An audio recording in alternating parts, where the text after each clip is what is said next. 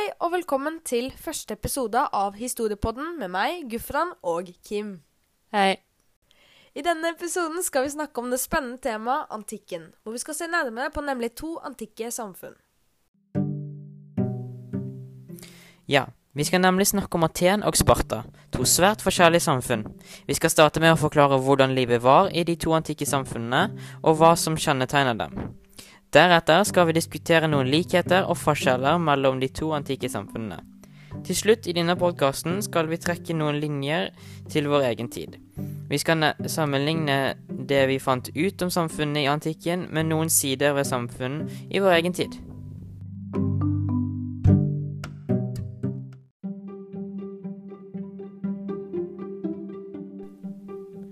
Hvordan var livet i de to antikke samfunnene, og hva kjennetegner dem?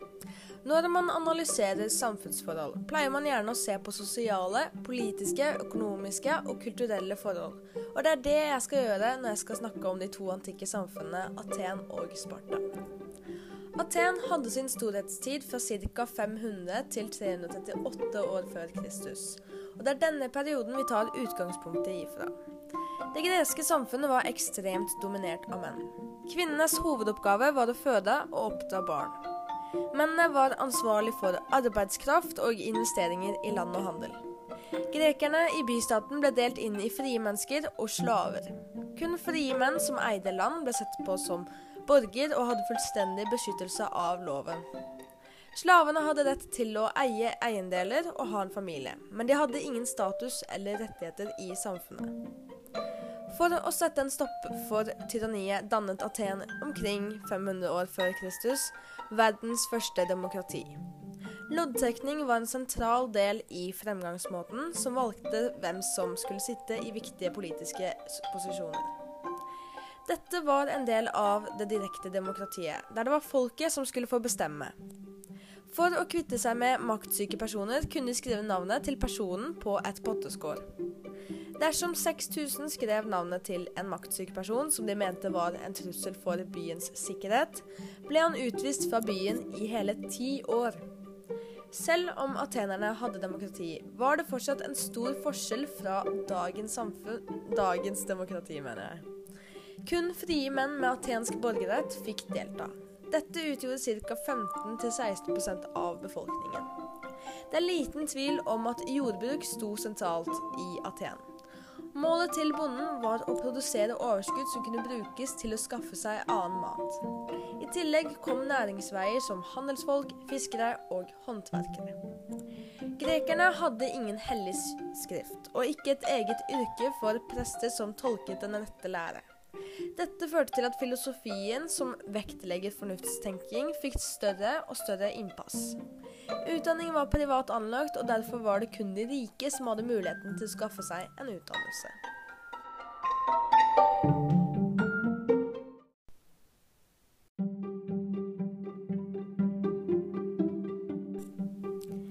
Sparta var den viktigste konkurrenten til Aten, og ble sett på som en krigerstat. Sparta var som Aten ekstremt mannsdominert. I tillegg var Sparta i hovedsak en militærstat, og militær evne ble vektlagt allerede fra fødselen av. Hvis barnet var svakt eller hadde defekter, ble det etterlatt. Pga. at spartanerne på 700-tallet før Kristus erobret Messenia, og bøndene der måtte jobbe som slaver, ble Sparta sett på som et tributtsamfunn. Sparta hadde allikevel en folkeforsamling og et råd av eldre som kom med forslag til lover og utformet en politikk. Dette heter oligarki, som er en styreform hvor den politiske makten er samlet hos en liten gruppe mennesker. Siden Sparta var et tributtsamfunn, fikk de det aller meste av sine inntekter fra skatt. Heloter, som bøndene ble kalt, jobbet nærmest som slaver, og hele overskuddet stakk de rike av med. I Sparta ble gutter utdannet hjemme, der de ble lært opp til å takle frykt og overtro. Gutter i Sparta vok vokste opp i en kultur preget av styrke og disiplin. I tillegg til guttene fikk også etter hvert jentene utdanning. Sparta var også de første som praktiserte et statlig utdanningssystem.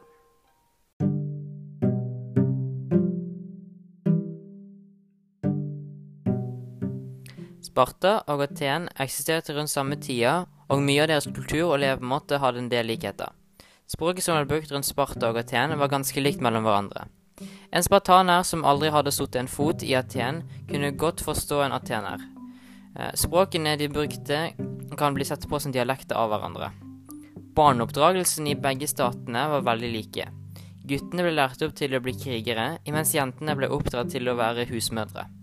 Det var viktig for guttene å bli krigere.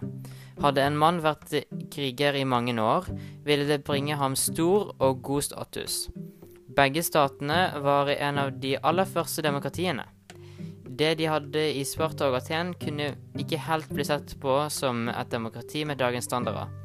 Men det er av det aller første snevene av demokrati. I deres demokrati kunne rike menn med makt stemme. Slaver eller kvinner fikk ikke retten til å stemme. I Sparta og Aten.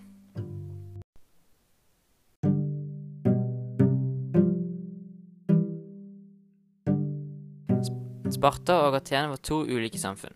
Selv om de hadde noen likheter med hverandre, levde de på helt ulike måter. Sparta var et samfunn hvor menn og kvinner ikke levde med hverandre, men altså separerte fra hverandre.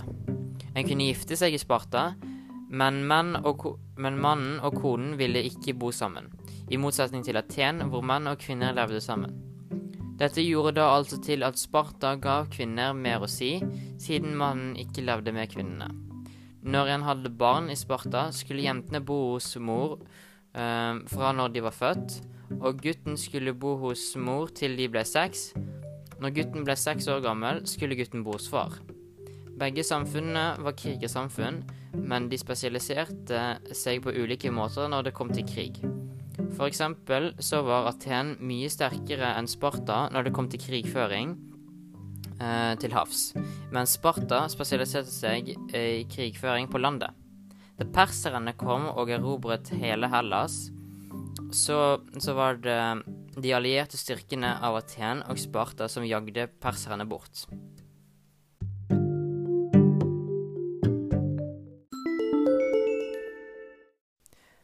Og nå over til dagens morofakta med Gufran.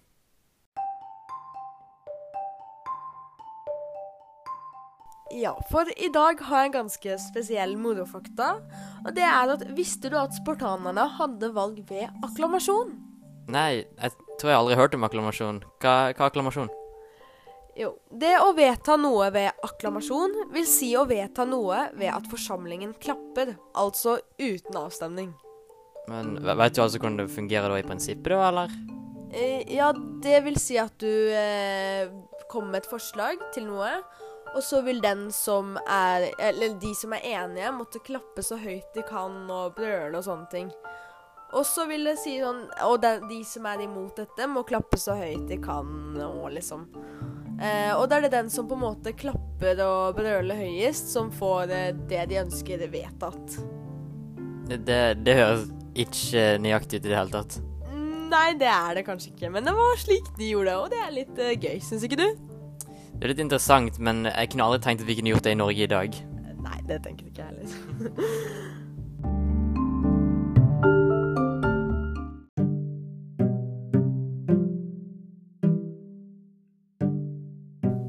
du, Kim? Ja? Jeg har et spørsmål til deg. Kjør på. Hva syns du er den største forskjellen mellom det demokratiet de hadde i Aten, og det demokratiet vi har i dag her i Norge? Uh, vel, demokratiet de hadde i Aten, er jo noe som vi kaller for opphavet til det første demokratiet i verden. Men det ligner ganske lite på det demokratiet vi har i Norge i dag. Uh, I det demokratiet de hadde i Aten, hadde f.eks. jo ingen slaver, eiendomsløse, innvandrere og kvinner politiske rettigheter. I Norge kan jo f.eks. alle voksne med norsk statsborgerskap stemme uavhengig av kjønn, legning, rase etc. Og dine inntekter eller verdier spilte heller ingen, liksom, ingen rolle for hvorvidt du har stemmerett eller ikke. Men i Aten var det kun frie mannlige borgere som hadde retten til å stemme. De som kunne stemme i Aten, utgjorde kun 10% av befolkningen, som var veldig lite. Ja, ser du noen flere forskjeller med f.eks. Aten og det moderne samfunnet i Norge? Jo, eh, for, for eksempel så var demokratiet i Aten et direkte demokrati. Fordi folket sjøl bestemte og eh, direkte tok avgjørelser. Mens i dag i Norge har vi eh, i, eksempel istedenfor et eh, indirekte demokrati, hvor vi da velger representanter til å representere oss i forsamlinger og ved forskjellige avgjørelser. Så det er jo en annen stor forskjell fra det demokratiet som var da og som vi har nå. Men eh, du, Gufran. Ja. Eh, jeg har faktisk et spørsmål til deg. OK. uh, tror du at eh, slik Aten ble styrt, kunne ha funket i Norge i dag? Nja Jeg hadde nok ikke likt det noe særlig med tanke på at det er da det kvinnelige kjønn, og i så tilfelle ikke hadde hatt noe stemmerett. Men uh, det er jo utgangspunktet til demokratiet vi har i dag, og det var jo tross alt et av de første demokratiene verden har sett. Så det er jo ikke så rart at eh, overgangen ikke var den største, for slik det var før dette demokratiske systemet kom til Hellas. Eh, det atenske demokratiet var derfor unikt for sin tid. Men uh, arven fra grekerne lever jo videre i moderne tenking, f.eks. i uh, folkesuverenitetsprinsippet, hvor det er tanken om at makten skal utgå av folket, og i maktfordelingsprinsippet, hvor det tanken om at makten må deles og spres på flere hender for å unngå maktkonsentrasjon. Så uh, ja.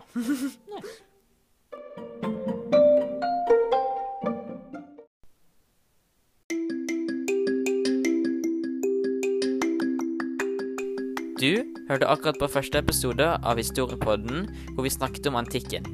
Jeg er Kim. Jeg er Guffen. Ha det!